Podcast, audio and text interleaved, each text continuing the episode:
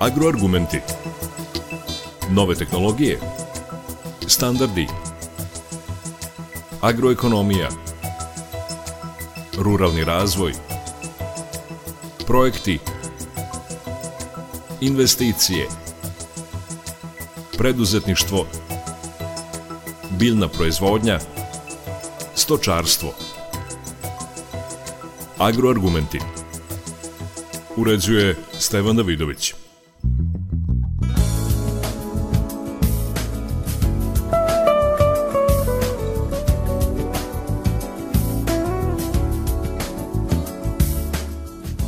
Dobar dan. Svedoci smo ovih dana čudi vremena.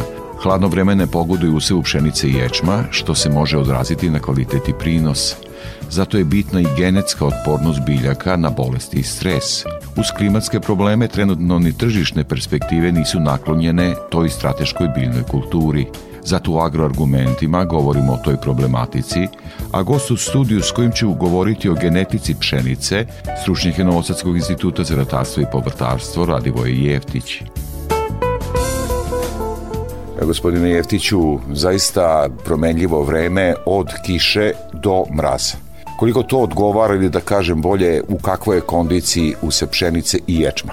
U ovom momentu možemo da kažemo da se većina useva nalazi u fazi ulatanja. Ono što je isto značajno da napomenimo to je da često poljoprivredni proizvođači mešaju termin latanja sa terminom klasanja.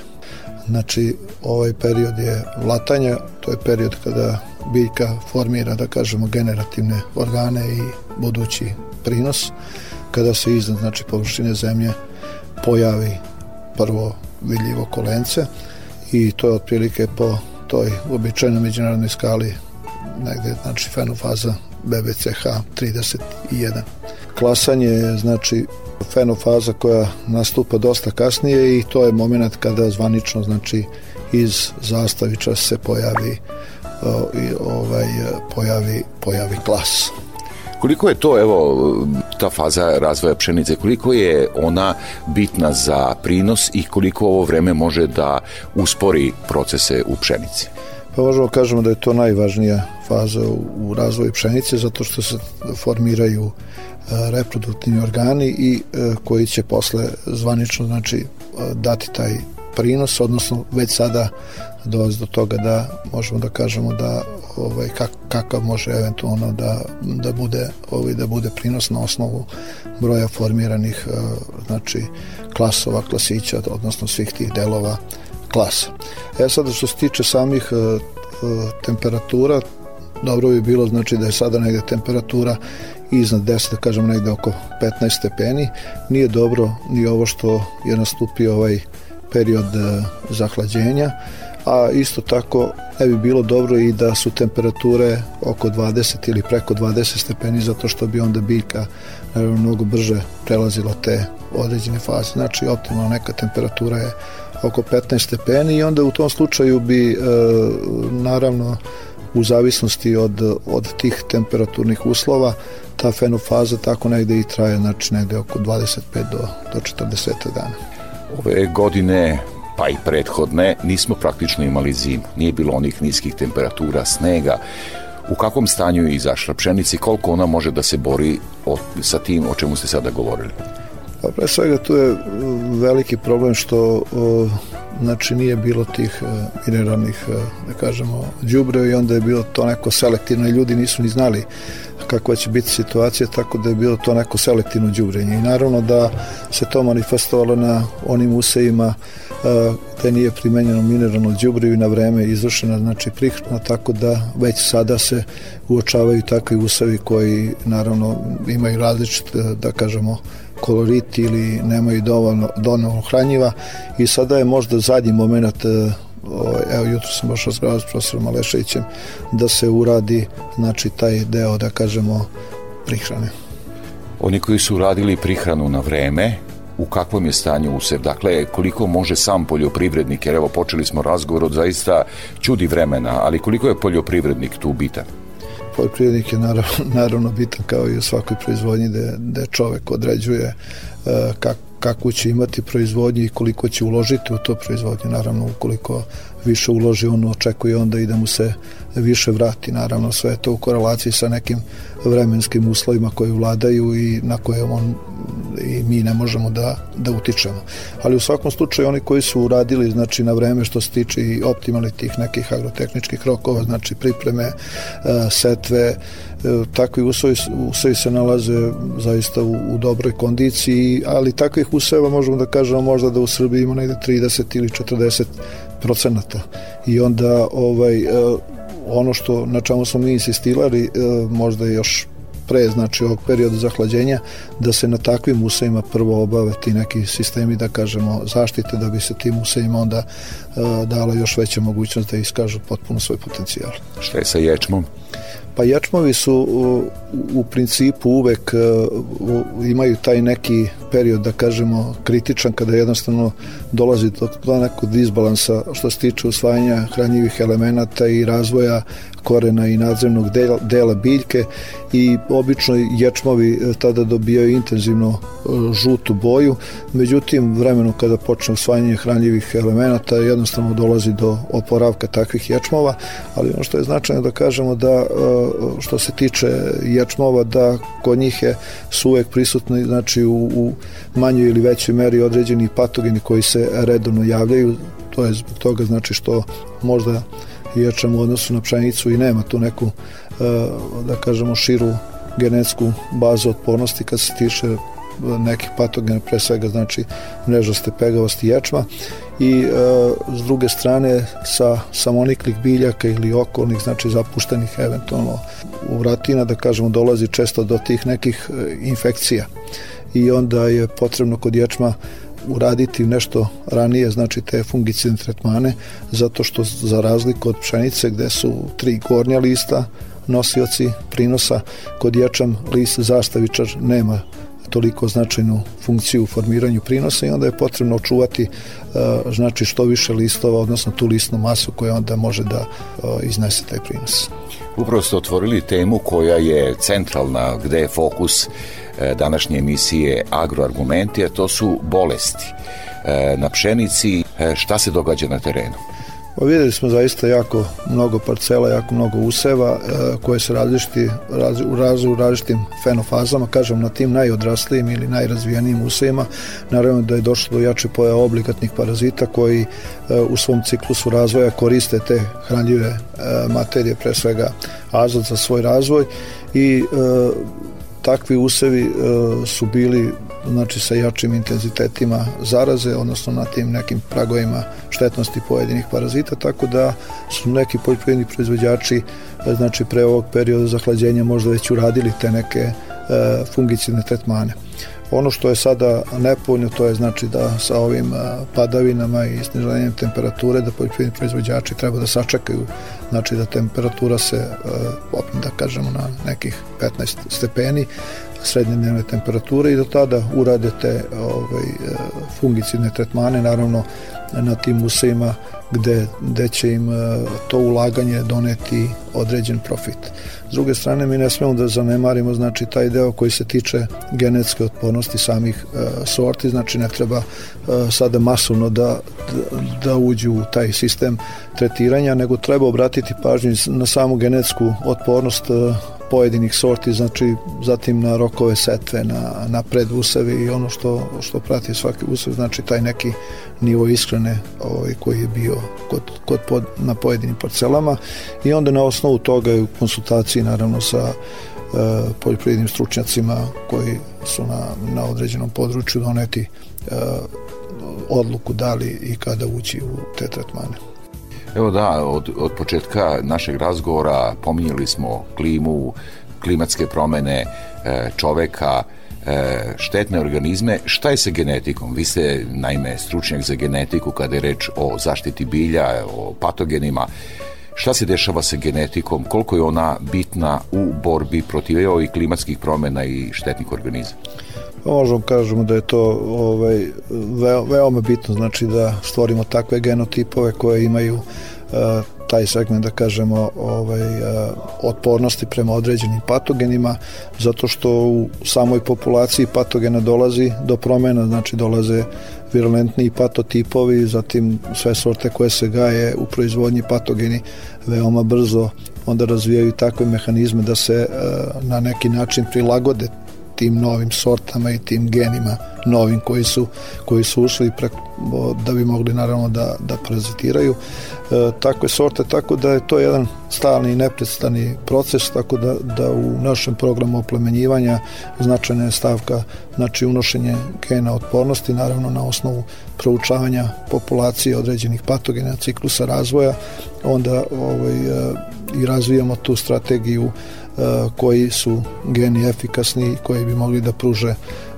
tu otpornost prema određenim patogenima. E, što se tiče tih novih rasa koje se javljaju, to je takođe veoma, da kažemo, dinamičan proces zbog toga što te pojedine rase mogu biti i biti preneti znači sami patogeni iz nekih udaljenih krajeva i samim tim ovaj, mogu naneti značajne štete, ali ono što je kod nas značajno kao, da kažemo, Srbiju i e, našu proizvodnju, to je da mi u proizvodnji imamo veliki broj sorti, što je dobro, o, s obzirom da je time i šira ta znači genetska osnova i sama sama otpornost tako da uvek će biti znači u toj e, da kažemo sistemu gajenja sorte koje će moći da imaju taj neki deo genetske otpornosti bez obzira znači na, na populaciju patogena koja je prisutna u tom momentu.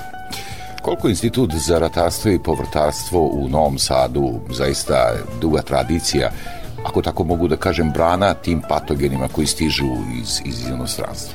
Pa možemo da kažemo da naše sorte zaista imaju dobro tu e, genetsku osnovu što se tiče znači i drugih karakteristika, a pogotovo ovog dela otpornosti na, na kome radimo i da su to radile generacije ljudi koji su bili pre mene, e, jer sve kolekcije koje posjedujemo, znači iz različitih e, delova sveta, one, one sadrže određeni broj genotipova e, koje testiramo svake godine, znači u uslovima veštačkih infekcija, u kontrolisanim uslovima staklenika i na polju i onda ovaj, možemo izvući te određene izvore otpornosti koje posle koristimo u samom procesu oplemenjivanja.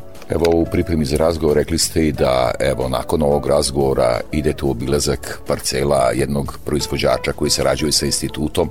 Vi ste tamo i bili pre evo ovog odlaska, evo i sada. Šta očekujete da vidite kakvo je stanje i koliko vam poljoprivrednici pomažu da što, što preciznije radite? Pa dosta nam pomažu poljoprivredni proizvođači zato što o, sve te njihove parcele su e, faktički samo povećane naše te male eksperimentne parcelice, tako da konkretno ćemo sada ići ovaj, u Turiju kod uh, Mijomira Crveno koji je jedan izuzetan proizvođač koji znači maksimalno ulaže i vidjet ćemo u kakvom stanju nalaze njegove parcele i njegova pšenica, dati mere preporuke Naravno da je vrlo značajno da te mere koje e, damo da on se trudi uvek da ispoštuje to što su se dogovorili i onda uspeh je uvek e, na neki način i zagarantovan. A s druge strane e, je vrlo značajno i da čujemo njegova neka iskustva koja ima u toku znači same proizvodnje recimo pogotovo što se tiče načina obrade Uh, unošenja mineralnih đubriva i samih sistema setve s obzirom da Miomir je zaista dobar proizvođač i da, da ovaj, primenjuje sve agrotehničke mere i mere nege, tako da dočekujemo da ćemo vidjeti dobre parcele i vidjet ćemo u kakvom su ovaj stanju što se tiče tih mera nege i, i verujemo da će posle ovog perioda zahlađenja on već početi da, da primenjuje određene tretmane.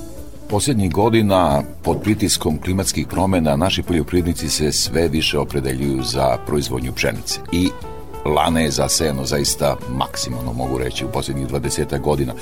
Šta to znači za zaštitu bilja i za genetiku?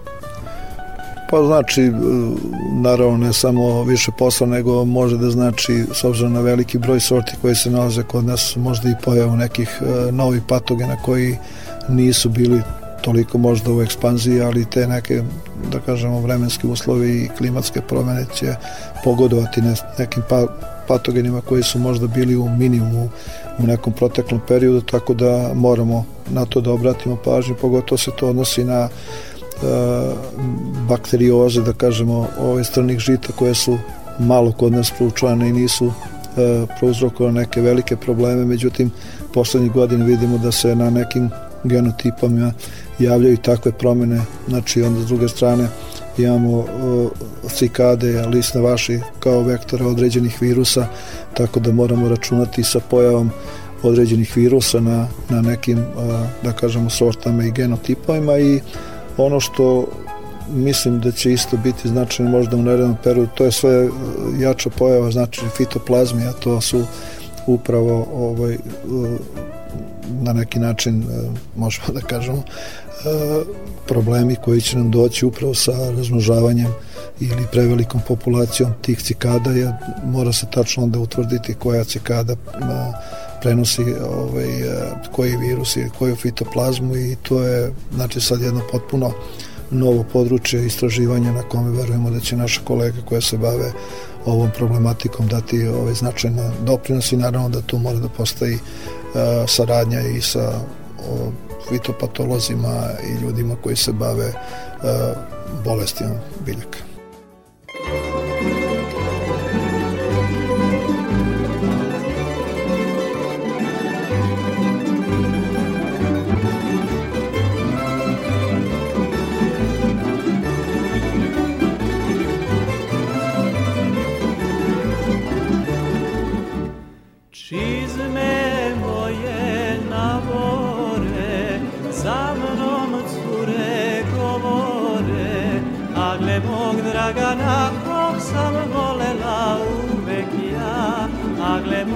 Dragana kog sam volela uvek ja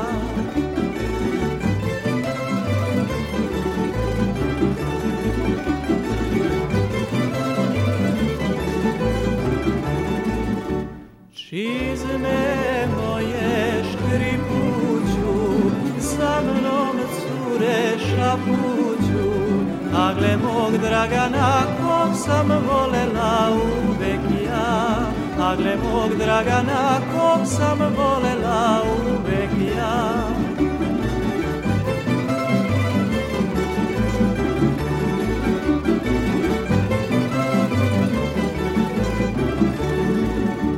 Nemam para, imaću Satić, lančić, prodaću Sve zbog mog Dragana kog sam volela uvek ja Sve zbog mog Dragana kog sam volela uvek ja. Agroargumenti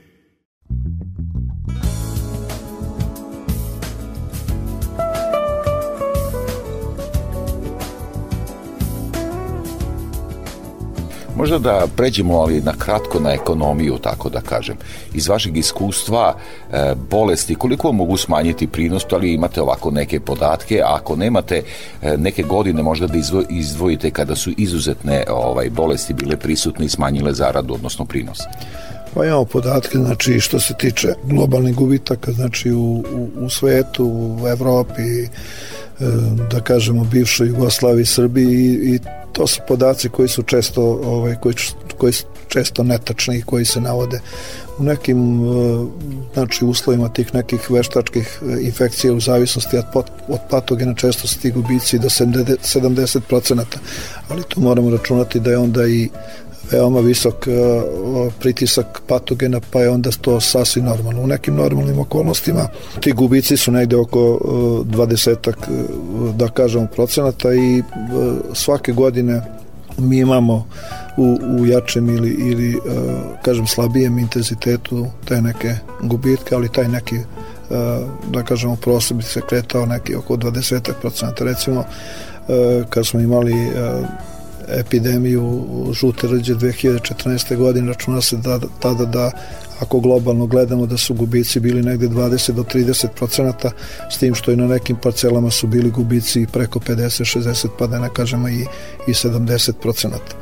S druge strane imate patogene koji se uh, prenose seme, semenom, znači kao što je ovaj, glavnica, gde faktički ukoliko je seme zaraženo vi nećete ni, ni imati prinos. S druge strane, ukoliko su povoljni uslovi za pojavu psorijoze klasa u pojedinim godinama, ne samo pored tog nekog procentovnog udela, da kažemo, koji je preko 20 i, i više procenata takođe imate uh, zrno koji je na neki način neupotrebljivo i za ljudski i za životinsku ishranu i onda su ti gubici mnogo, mnogo veći nego, nego ti neki procenti koji se, uh, koji se obično iznose. U staroj Jugoslaviji mislimo da, je, da su ti gubici negde koji su se odnosili na pojavu uh, i ono što može da, da odnesu, znači patogen je bilo negde oko desetak procenata, ali kad tome dodamo da su tu i procenti koje odnose uh, korovi i procenti koje odnose štetočine, onda to malte ne se svodi na nekih malte ne 30 procenata i mi uvek kad govorimo o tim nekim gubicima ne možemo posmatrati jednostavno samo E, patogene, nego moramo posmatrati znači i druge štetne organizme koji mogu uticati na e, značajno smanjenje prinosa. Kad posmatramo genetiku u kojem se vi bavite, e, koliko njoj treba, dakle, nauci da odgovori, spominjali ste 2014. kao rizičnu godinu, odnosno vrlo komplikovano, da odgovori na takvu pojavu, znači koliko vremena prođe dok nauka ne odgovori na te izazove sa terena? Pa vrlo brzo smo mi mogli da, da tu damo neka praktična rešenja zato što smo pre toga već uh, negde 2007. godine upozorili da mogućnost pojave tog patogena, a 97. godine smo u kolekciji na nekim američkim genotipovima našli pojavu o, ove žute rđe i onda smo znali da je ona prisutna ali u, u manjem intenzitetu i da je to samo pitanje poklapanja tih znači nekih vremenskih uslova i onoga što će pogoditi za razvoj tog parazita i zaista 2010. godine se još o tome pričalo na određenim tim internacionalnim skupovima i 2014. je došlo do masovne pojave zato što se smatra da su određene uh, rase koje uh, na koje nije, nije bilo odgovora se razvilo znači u Nepalu i u tim nekim udaljenim predelima i da je onda došlo do, do širenja tih novih rasa, da sorte koje se gajile u tom momentu u Evropi e,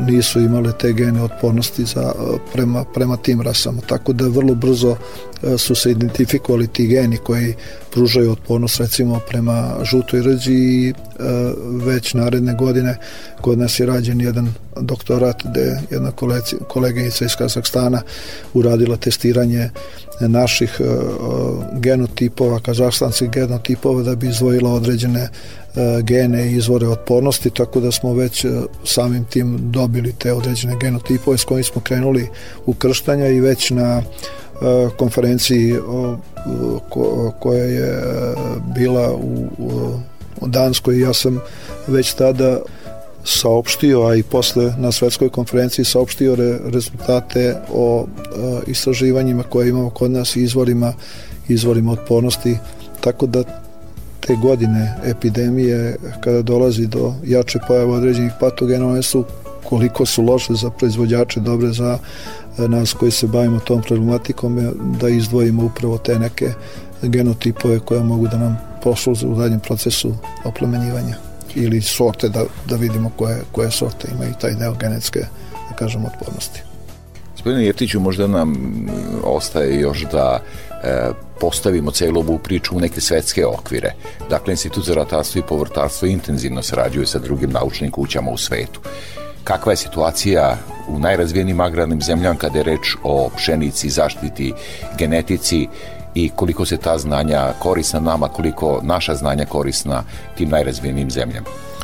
Mi stalno razmenjujemo znači, te informacije preko niza projekata koje radimo, bilo da se radi o nekim projektima, da kažemo, bilaterne saradnje ili o nekim evropskim projektima u kojima učestvuje veliki broj institucija, veliki broj instituta, a s druge strane, s obzirom na specifičnost same problematike, e, svi ljudi recimo koji rade na tim e, patogene, patogenima žita u Evropi, a i šire u svetu smo u nekom stalnom kontaktu, tako da razmenjujemo materijal, testiramo mi njihov materijal, oni testiraju naš materijal, tako da imamo ovaj, e, dosta, dosta informacija o tome. Jesu neki projekti aktuelni sad koji bi bili zanimljivi za ovu temu?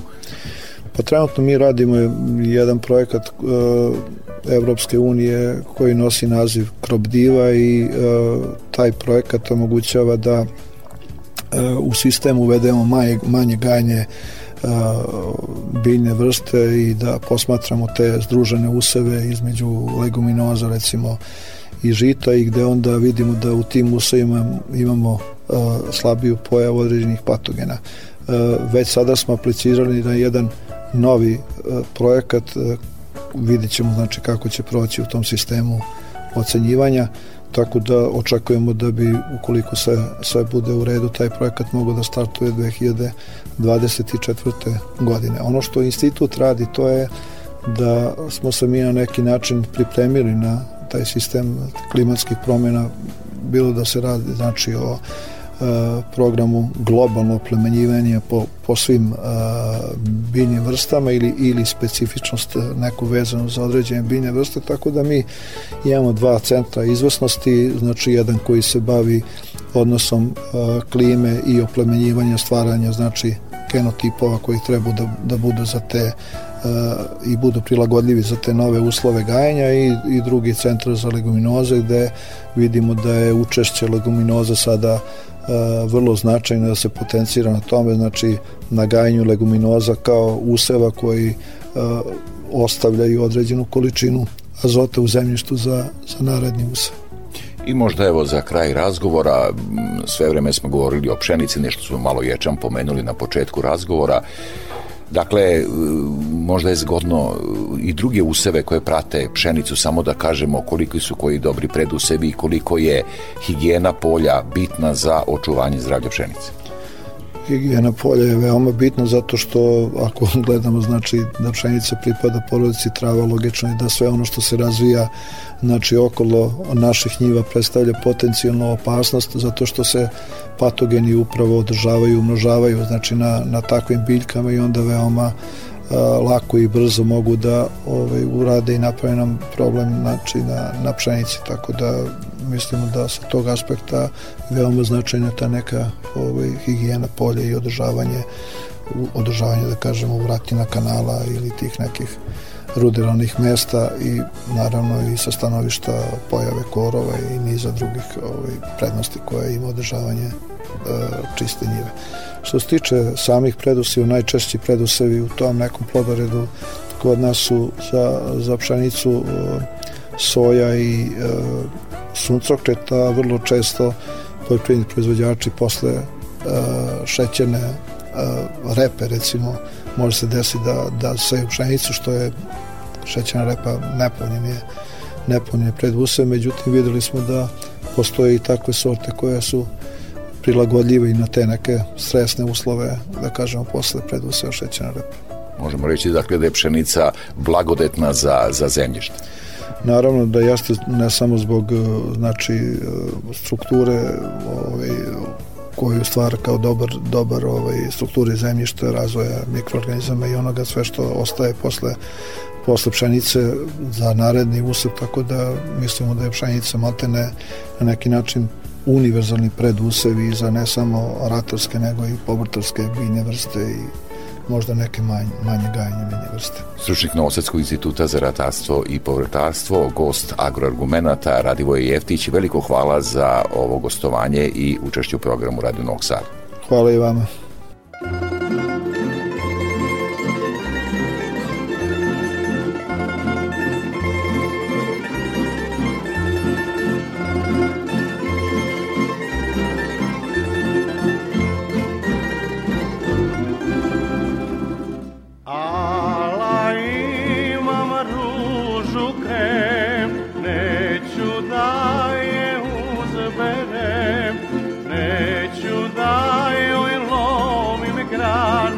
dok ne nađem lane Neću da joj lomim grane. Dok ne nađem lane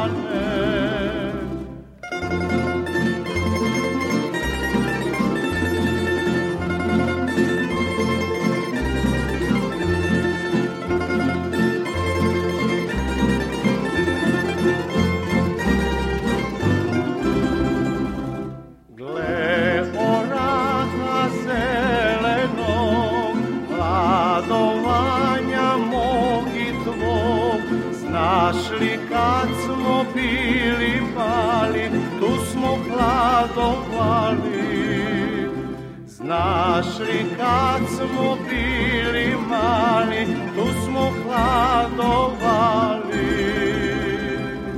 Agroargumenti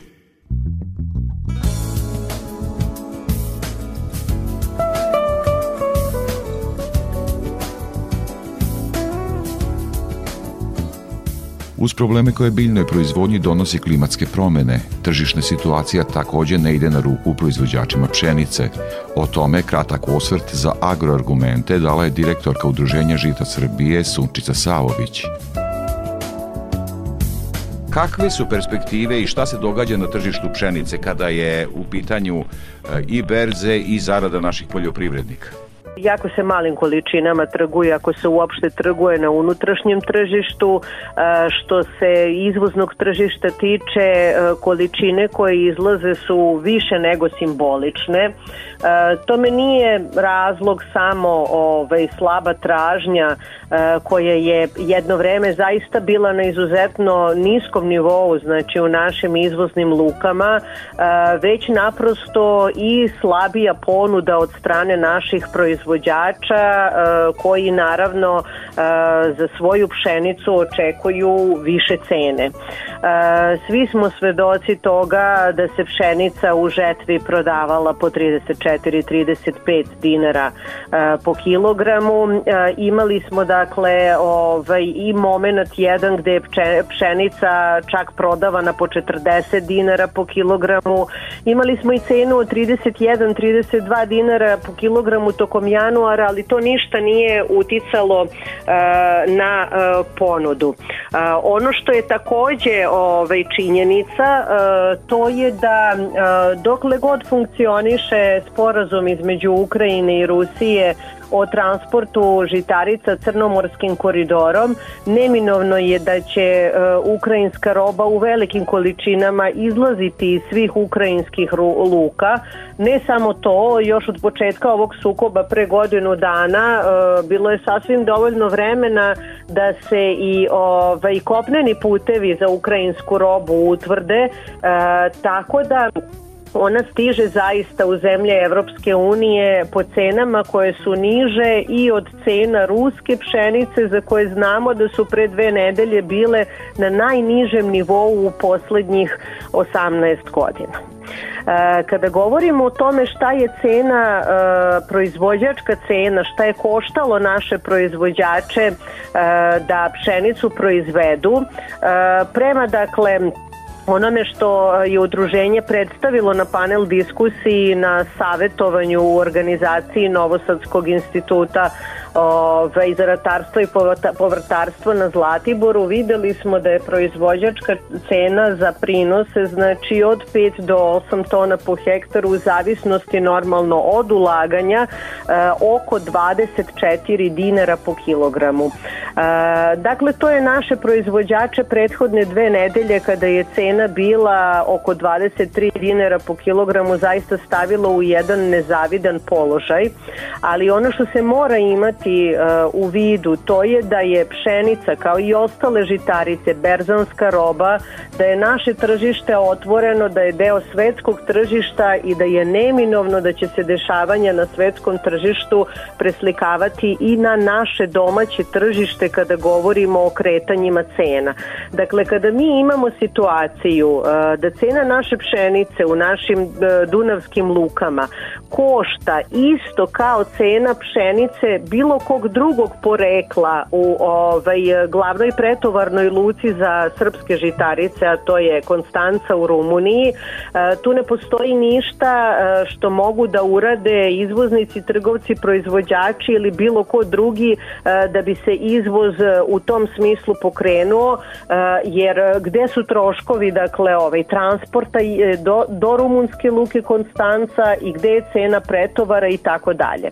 Tako da nas je zadesila ista sudbina kao i naše konkurente u Mađarskoj, Rumuniji, Bugarskoj u tom smislu što jednostavno kada nismo konkurentni mi svoju pšenicu ne možemo da prodajemo. Ne možemo da je prodajemo na izvoznom tržištu. Jednostavno cena je takva kakva jeste prethodne nedelje ovaj, se delimično povratila za nekih 20 do 30 para po kilogramu.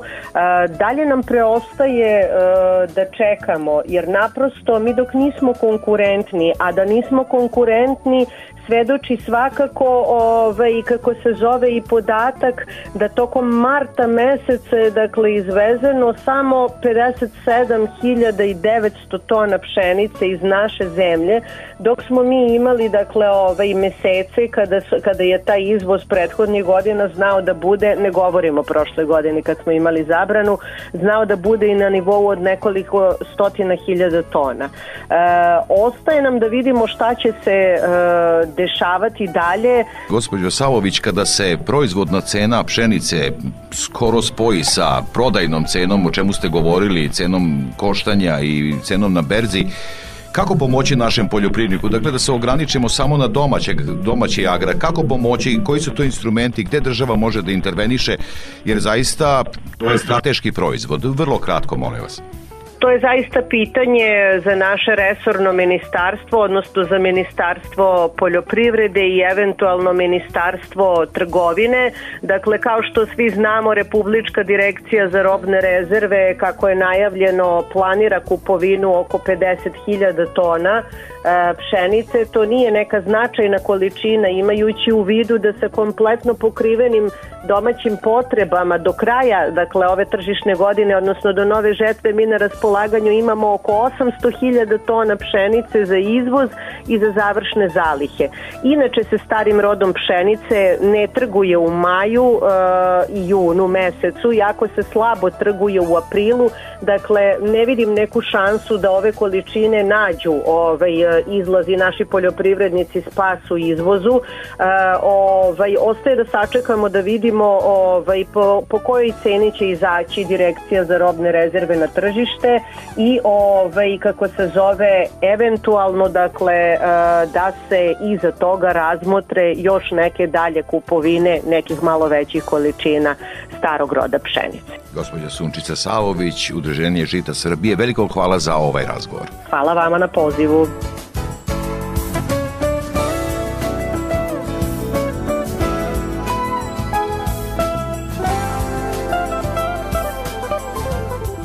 Slušali ste agroargumente, govorili smo o stanju useva pšenice i tržišnim perspektivama te strateške žitarice. Emisiju montirala Marica Jung. Pozdravlja vas urednik i voditelj Stevan Davidović. Možete nas slušati na portalu Radio Televizije Vojvodine na adresi rtv.rs. Ostanite uz naš program.